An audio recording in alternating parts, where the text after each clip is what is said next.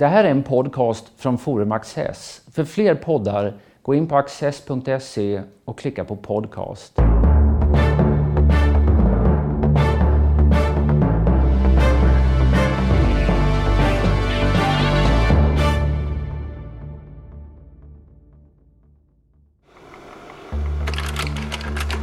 Alexis de Tocqueville är upphovsman till flera fascinerande verk som utmärker sig genom iakttagelseförmåga, tankeklarhet och kompromisslös uppriktighet.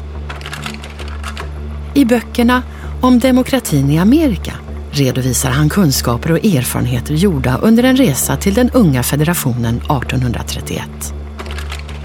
Den gamla regimen och revolutionen är en pedantisk förteckning av de missförhållanden i Ludvig XVIs Frankrike som resulterade i 1789 års revolution.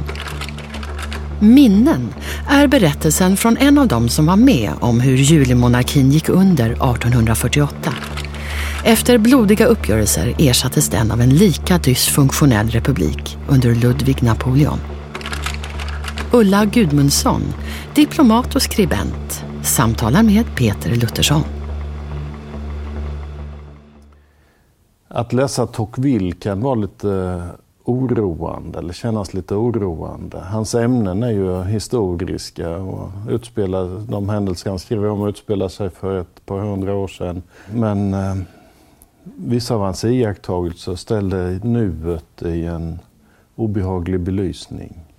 Jo, men det, det håller jag med om. Det, alltså, det, det som gör, tycker jag, att han känns så väldigt aktuell, det är ju liksom att den här konflikten som han beskriver då, och mellan konstitutionell demokrati, så att säga, och en, vad ska jag säga, en våg av, så att säga, eh, populistisk pro protest, så att säga, mot konstitutionella strukturer och försöken att på något vis vidmakthålla dem då under det här trycket, det känns ju väldigt aktuellt. Jag tycker nästan vart man än tittar så att säga, i, i världen, inte, inte minst i Europa eh, och i USA förstås, så ser man precis den konflikten. Mm. Och det är en konflikt som han, vad ska jag säga, han har ju företrädare, det fanns den franska revolutionen, Nicolas de Condorcet, han är ju på något vis en person som eh, han prefigurerar Alexis de Tocqueville. Det handlar samma sak om att skriva en konstitution som kan på något vis innesluta stora sociala förändringar. Och där tror jag vi befinner oss idag. Alltså Tocqueville är ju en vän av demokrati. Men eh, han eh, är inte någon eh, oreserverad beundrare av demokrati. Han kan se en massa brister och faror med demokratin som han är noga med att identifiera. Vilket inte gör att han, att han tar ställning för någonting annat än demokrati. Nej, precis. Alltså jag, jag skulle säga, jag skulle nästan vara tveksam att kalla honom en, en vän till demokratin. För att han, jag skulle, det jag beundrar hos Tocqueville det är framförallt att han är så klarsynt och så kemiskt fri från socialt och politiskt önsketänkande. Han är ju född aristokrat och han har ju en stark sympati för aristokratin, det aristokratiska samhället, alltså med elit, upplysta eliter så att säga, som styr samhället. Och han är och han Inte är... nödvändigtvis som styr samhället, men som har en funktion i samhället. Det kan man säga. Och han säger ja. att när man avskaffar aristokratin, där uppstår det lättare despoti och tyranni. Absolut. Därför Absolut. att aristokratin är alltid, erbjuder alltid friktion, Abs är ett hinder Absolut. mot tygellöshet. Och han säger också att där aristokratin har försvunnit, där blir tyranniet grymmare. Och Absolut. detta visar ju sen historien efteråt att Absolut. ju. Ja, och jag tycker det är intressant i den här Amerikaboken. Han är liksom på jakt efter demokratins väsen. Han är på jakt efter, han inser på något sätt att aristokratins tid så att säga är förbi och att friheten som han ju värnar om, den kan bara garanteras i ett samhälle med demokratiska institutioner. Men som du säger, han ser också risker med demokratin. Han ser liksom att den kan urarta. Eh, och, eh, Börjar man i den änden så kan man ju säga att en sak han talar om, det är ju vad gäller Amerika och dess, eller USA och dess framsteg. Sådär. det är ju att vissa personer bara uppfattar det att det viktiga är de materiella framstegen. Och han säger att de är, det är väldigt de kritisk är, till. De är ja. fantastiska, de Ja. materiella framstegen. Men det är inte det som är huvudsaken. Utan huvudsaken det är att eh, uppnå karaktärsdaning och bildning. Så att folket kan eh, verkligen fortsätta att ta hand om sig själv. Absolut. Men jag tycker alltså det, det, det som jag slås av när det gäller hans studie av Amerika, det är det här att han, eh, han ser, ser det som så positivt att demokratin i USA har byggts för det första fredligt, utan revolution, som i Frankrike. Och för det andra så ser han hur den har byggts nerifrån. Han är ju egentligen ganska anglosaxisk på sätt och vis. Han var ju gift med en engelska också i det här och väldigt empirisk. Att medborgarna måste göra egna erfarenheter på lokalplan och skolas in i demokrati. Då aktiva medborgare är liksom en spärr mot despotin. Och jag tycker att han ser i USA eh, folkrörelserna faktiskt som den amerikanska versionen av aristokratin, eller vad man ska kalla det. Som den här eh, mellanledet då mellan den högsta politiska makten och vanliga människor. Det tycker jag stämmer, för folkrörelserna säger han ju att de ska balansera partipolitiken. Ja. Folkrörelserna är egentligen viktigare. Så. Precis. Eh, Han skulle ha känt sig rätt här- hemma i Sverige, tror jag. Ja, på ett sätt. Åtminstone ett Sverige som har varit. Varit, ja. Eh, Fortfarande finns här och där. Vad han säger om Amerika det är ju också att när det behövdes ingen revolution i Amerika för det fanns inget dåligt före. Nej. Det var det som gjorde att Amerika hade sån förmåga att eh, kunna bygga, Mm. linjera ett samhälle på, på ett papper Mm. och sen så sätta det i verk. Precis, man kunde stiga ur historien och börja om. Liksom. Man kunde börja om. Och det, där ser Det är ju den amerikanska andra, självbilden. Den amerikanska, och det är också en bild som är mycket stark bland europeiska resenärer. Fredrika Mm. Bremer har ju exakt samma föreställning när hon åker till Amerika. Mm. Tocqueville gör sin resa 1831 Mm. i Amerika som resulterar i två stora Mm. böcker. Och Fredrika Bremer gör sin 20 år senare ungefär. Mm. Han har ju ett fantastiskt citat i, i en av de här Amerikavolymerna, Tocqueville, där han, säger, han eh, talar om nykterhetsrörelsen alltså i, i Amerika. Han säger att först förstår han inte eh, vitsen med den, för han säger att om man inte gillar alkohol då kan man väl bara dricka vatten hemma och låta det vara bra med det. Men sen förstår han att det handlar om socialt ansvarstagande. Och så säger han att i Frankrike, då hade motsvarande medborgare då hade de skrivit brev till staten eller till regeringen och sagt att staten ska stänga alla utskänkningsställen. Medan i Amerika så tar medborgare eh, liksom ett, ett eget socialt ansvar så att säga då för att motverka Det hänger ju samman alkoholism. med hans bild att samhället är byggt underifrån. Precis. Man börjar med kommunen och sen Precis. countyt och staten och federationen i sista hand. Precis. Och det som håller ihop gemenskapen det är patriotism. Och patriotism betyder att ta ett ansvar, inte bara för sig själv utan, Utan för också helheten. för gemenskapen. Ja. Och det är ju det som är så intressant. Alltså jag tycker att en sak som man verkligen djupt föraktar, det är ju politiker som drivs, som går in i politiken på grund av ett eget, ett eget privatintresse.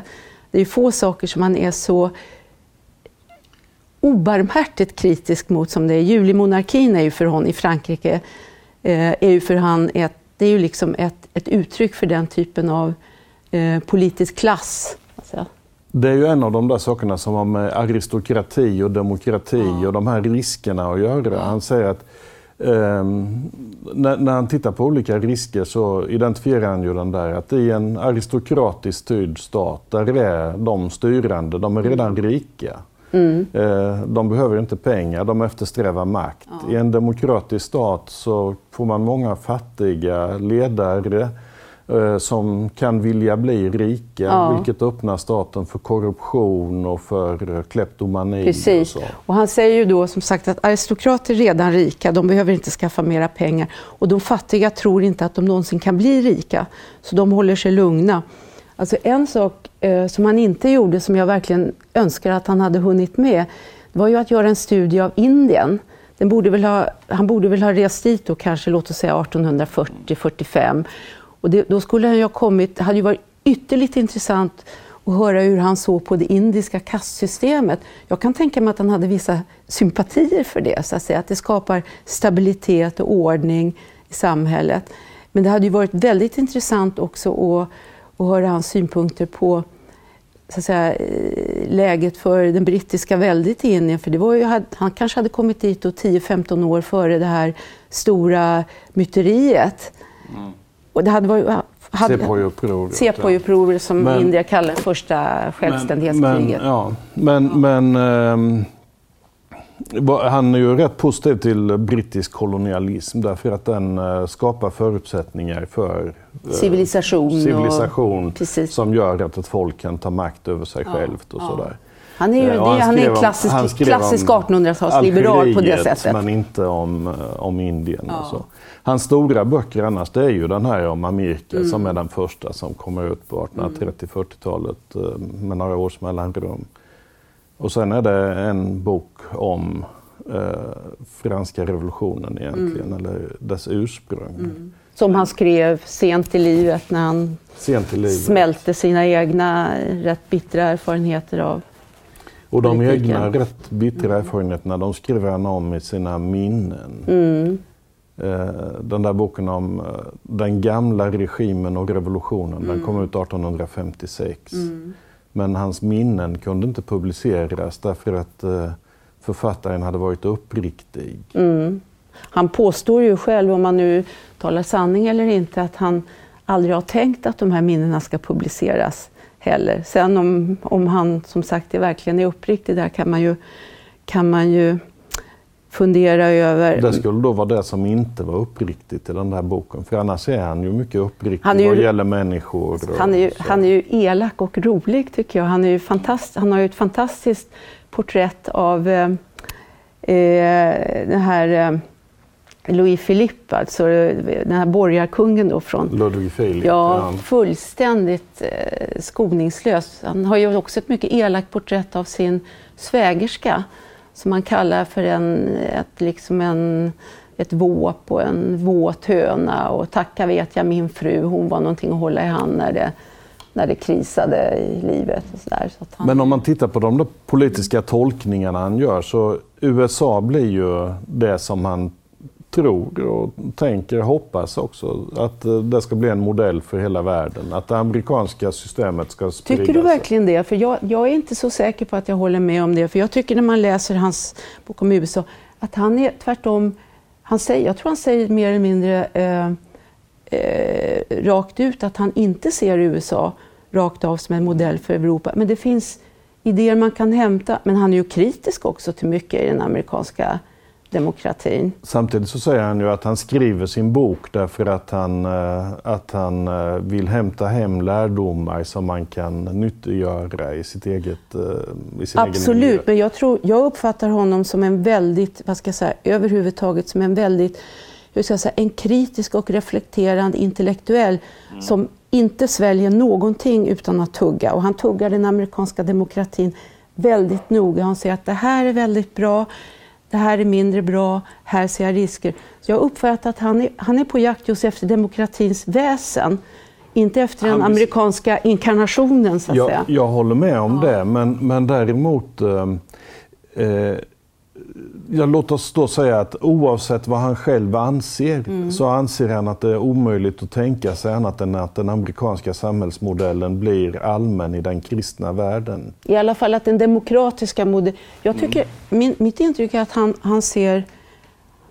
Det finns ett berömt citat när han står i franska nationalförsamlingen några dagar efter den här februarirevolutionen och säger att Förstår ni inte att vi sover i en vulkan? säger han. Han, han ser ju hur det rör sig liksom bland folk ja, på gatorna. Januari redan, Jan, han slutet på 20-29 januari eller något sånt där. Några Den månaden före revolutionen ja. och han blir utskrattad. Jo men precis. Och alltså, jag, jag uppfattar att han, att han, eh, han, han har en otrolig förmåga att hålla mer än en tanke i huvudet och att leva i något slags spänningstillstånd tycker jag. Liksom att, vad är det som händer nu? Vart går det här? Vart vill jag ska gå? Och han, han försöker hålla det här, han kämpar ju för det här mellanläget. Det här republik, han, han har valt bort där, eh, monarkin. Han anser att den har liksom... Men om vi stannar lite han, i USA han, innan han, vi... han, står för en, han hoppas på en liberal republik, så att säga. Ja, just det. Som ju USA är en republik till exempel. Men om vi återvänder till USA, vi säger att han, han identifierar faror med risker med demokratin Ja. och brister hos demokratin. Så. Och är mycket noga med att uh, utlägga dem. Men om man tittar på sånt han gillar i det amerikanska samhällsbygget så, så är det ju till exempel maktdelning. Precis. Den tyck, det, och det och han väldigt... tycker att det är viktigt att den viktigaste instansen, tycker han, är den dömande makten. Precis. Högsta domstolen är Lagarna. viktigare än de andra. Precis. Därför att eh, Högsta domstolen ser till att också härskaren är under lag. Precis.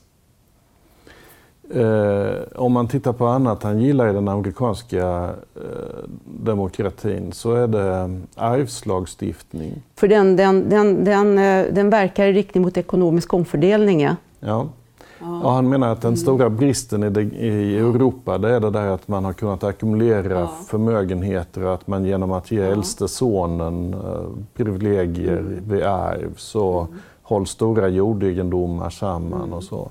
Detta sker inte i USA utan där man- styckas allting sönder och delas upp. Precis. och så. Och om man, eh, om man googlar Thomas Piketty och Alexis de Tocqueville Mm. då får man fram en mycket rolig och lekfull fiktiv dialog mellan de två. Jaha, okej. på någon sån här på någon, någon blogg. För de har ju, precis, för att det är ju just det här både politiskt och ekonomiskt, det är förhållandet mellan elit och massa som intresserar honom. Hur det ska, hur det ska liksom hanteras i, i ett stabilt samhälle.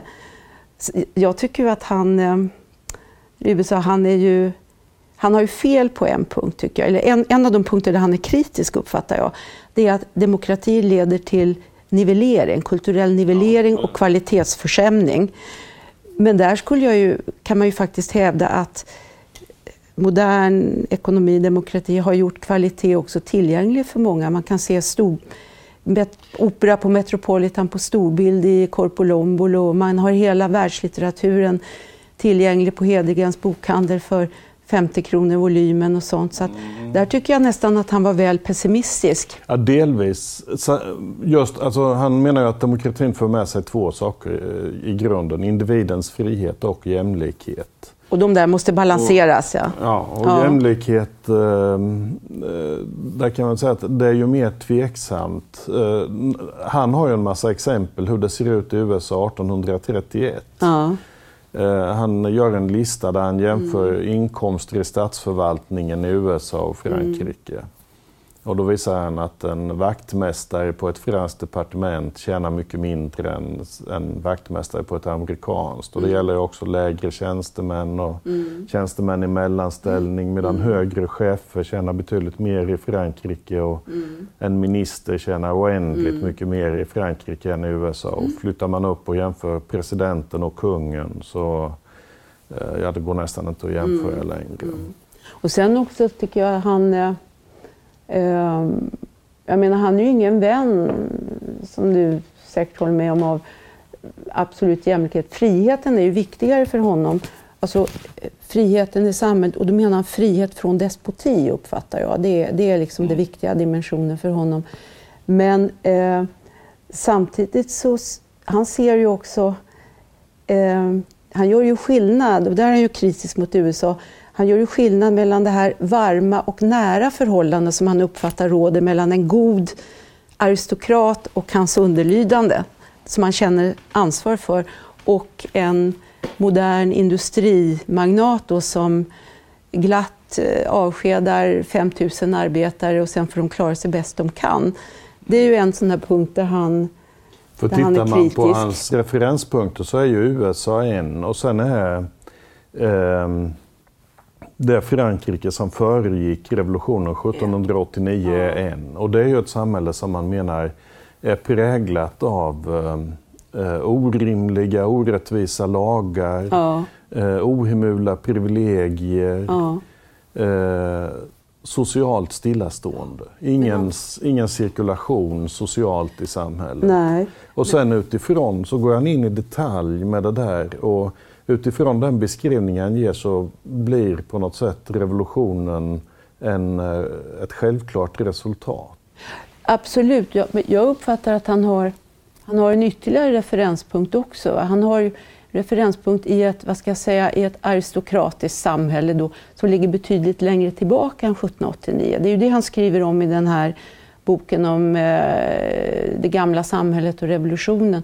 Han uppfattar att det samhället degenererade mm. och att eh, revolutionen var egentligen en fullbordan av en utveckling mot centralisering av makten som hade pågått väldigt länge under, under dynastin eh, Bourbon. Liksom att, mm. ja, Ja, han har ju flera sådär, jag menar Polybios blir ju då en naturlig eh, his, eh, historikerreferens och som också är kopplad till den amerikanska konstitutionen. Mm. så. Eh, samtidigt som man kan se, ungefär samtidigt som han skriver den där boken om den gamla regimen och revolutionen så skriver han sina minnen och då är han en aktör i historien själv. Den boken om minnen skiljer sig oerhört mycket ifrån de andra böckerna. Absolut. Därför att det som präglar de andra böckerna det är ju att han i hög grad beskriver system och ordningar mm. och juridiska eh, funktionssätt och så. Absolut. Men här, helt plötsligt, så stiger människor fram. Mm. Det han valt bort när han skriver om 1789 års revolution. Mm. Man kunde jämföra honom med Carlyle som bara skriver om människor och ja. att allting beror på spelet mellan individer. Jag tycker i och för sig att även i demokratiboken så är han ju väldigt mycket av socialpsykolog. Psykolog, så att säga. Han är ju hela tiden medveten om att människors psykologi påverkar samhället. Men han går ju inte in, som du säger, och gör enskilda porträtt och skildrar enskilda eh, levande människor som han gör i minnen. Men jag uppfattar den också som... Alltså det som är så sensationellt med, honom tycker jag, det är att han är så mycket på en gång. Och han är historiker, han är politiker en del av sitt liv. Han är sociolog, han gör sig besväret att titta på de här inkomstskillnaderna så att säga. Mm. Eh, som du nämner. Men här är han ju också, han visar ju prov på en enastående journalistisk begåvning. Alltså han levandegör ju det här februarirevolutionen i minnen, ja. i minnen och de här juniupproren då som kom senare. Och han gör ju porträtt, så att säga, inte bara av Ludvig Filip utan av politiker, av sin egen portvakt, eh, sina politiska motståndare och så vidare. De kan vara rätt brutalt formulerade. Oj, en del av dem där, jag kunde börja läsa upp ett sådant. Det är från nationalförsamlingen. Och det är sommaren, eller juni 1848. 1848. Mm. Då såg jag en man stiga upp i talarstolen. En man jag såg bara en enda gång, men vars minne alltid fyller mig med avsky och skräck. Han hade tärda och fårade kinder, vita läppar, ett sjukt, elakt och avskyvärt ansikte, en smutsig blekhet och en kropp som verkade ha möglat. Han bar till synes inga underkläder, men en gammal svart överrock som satt som klistrad på hans spinkiga och urbenade lemmar. Han verkade ha bott i en kloak och just ha kravlat sig upp ur den. Man berättade för mig att detta var Blanqui. Precis. Men, men eh, om vi håller oss kvar där vid minnen lite så kan man ju säga att hans egen roll där, då har vi haft den där julimonarkin eh, under Ludvig Filip, eh, borgarkungen mm. som egentligen bara är intresserad av att eh, plundra staten mm. och som har en regering som bara är intresserad av att plundra staten mm. och som bara bryr sig om människor som också är intresserade av att plundra staten. Mm. Och så hör man ingenting av vad som alla pratar om i samhället och man märker ingenting av de stämningar som växer fram. Mm. Han håller sitt tal där i januari och blir utskrattad. Sen i februari är, ju, är, det revolution. Och han är, ju, han är ju skoningslös mot de här parlamentarikerna som sitter i sin bubbla så att säga. Skoningslös. Mm. skoningslös. Mm. Om, om kungen så säger han att han liknar en man som tror att ingen kan sätta eld på hans hus bara för att han har nycklarna i fickan. Mm. Och sen, eh, sen blev den där revolutionen och så hamnade han i konstitutionskommittén. Precis. Mm. Och då driver han ju det här, som jag ser det, amerikanska eller Polybios. Presidentmakten. Att ja. Mm. man ska ha maktdelning. Det ska vara ett samhälle med starka, självständiga institutioner. Och ett tvåkammarsystem ville han ju ha också för, för stabilitet. Överhuvudtaget Mm. allting sånt där. Sen blir det ju mer och mer oroligheter i samhället som i juni slås ner av skalden Baudelaires styvfar, general Cavignac. Ah, det var mer än jag visste. Och eh, så ska man då hitta en ny ordning. Tocqueville eh, har då hunnit bli utrikesminister. Det tycker jag ju, kan jag säga, just det avsnittet, är- det är av speciellt intresse för mig så att säga, som har arbetat med utrikespolitik i så många år. För att det är, jag, jag försökte googla på Henry Kissinger och Tocqueville, hittade inte så mycket. Men där blir han ju plötsligt rätt mycket av intressepolitiker. Fast alltså han, han säger, vad är Frankrikes intressen? Det är fortfarande patriotismen, det är helheten. Vad är Frankrikes intressen? Då är han det mycket mer än idépolitiker. För att idépolitiker i det skedet för honom, det tror jag hade varit att stå för det här som han djupt ogillade med franska revolutionen, att vi ska sprida frihet, jämlikhet, broderskap i världen. Det är ungefär det absolut sista han vill, vill göra. Och det är också slående hur han ser på Ryssland. Det är också en sån här ehm, sida där han har uppfattats vara rätt profetiskt. Han, han förstår att Ryssland kan bli hotfullt mot Europa. Han har ju svårare att förstå att Tyskland kan bli hotfullt, men det hänger ihop med att Tyskland fortfarande inte var enat. Ja. Ja. Men, men ehm, han vill ju ha eh, så att säga den där eh, uppdelade makten även eh, efter juniskedet. Eh, Men intressena i samhället vill hellre ha en, eh, ja, en, en ledare. Och så, Så, klagar, man, så klagar, klagar han ju eh, djupt över den här presidenten också som inte vill lyssna. Det är klart, och jag menar slutpunkten på hans politiska bana det blev ju den här statskuppen när eh, Ludvig Napoleon gjorde sig till kejsare, så att säga. Ja, det är ju just det, det, är och, det men redan när han blir president så är ju på något sätt spelet förlorat. Ja. För att då har eh, de här personerna som vill plundra ut staten, de har funnit någon som de tror sig kunna styra.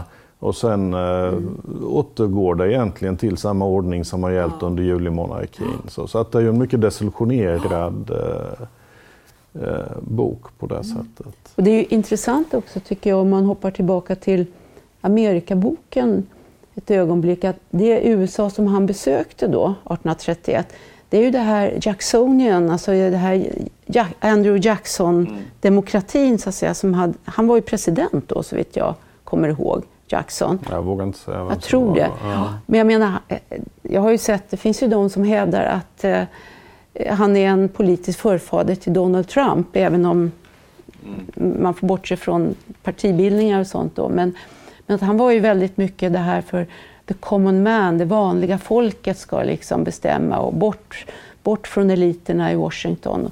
Och ändå ser Ja, Tocqueville inte det som något stort problem. Men det handlar naturligtvis om att han tror att maktdelningssystemet i USA kan hantera en sån president. fungerar och, och centrum ska inte bli för stort eller för starkt. En Mm. annan jämförelse han gör är ju att han säger att i den amerikanska statsförvaltningen finns det 12 000 anställda. Mm. I den franska 138 000.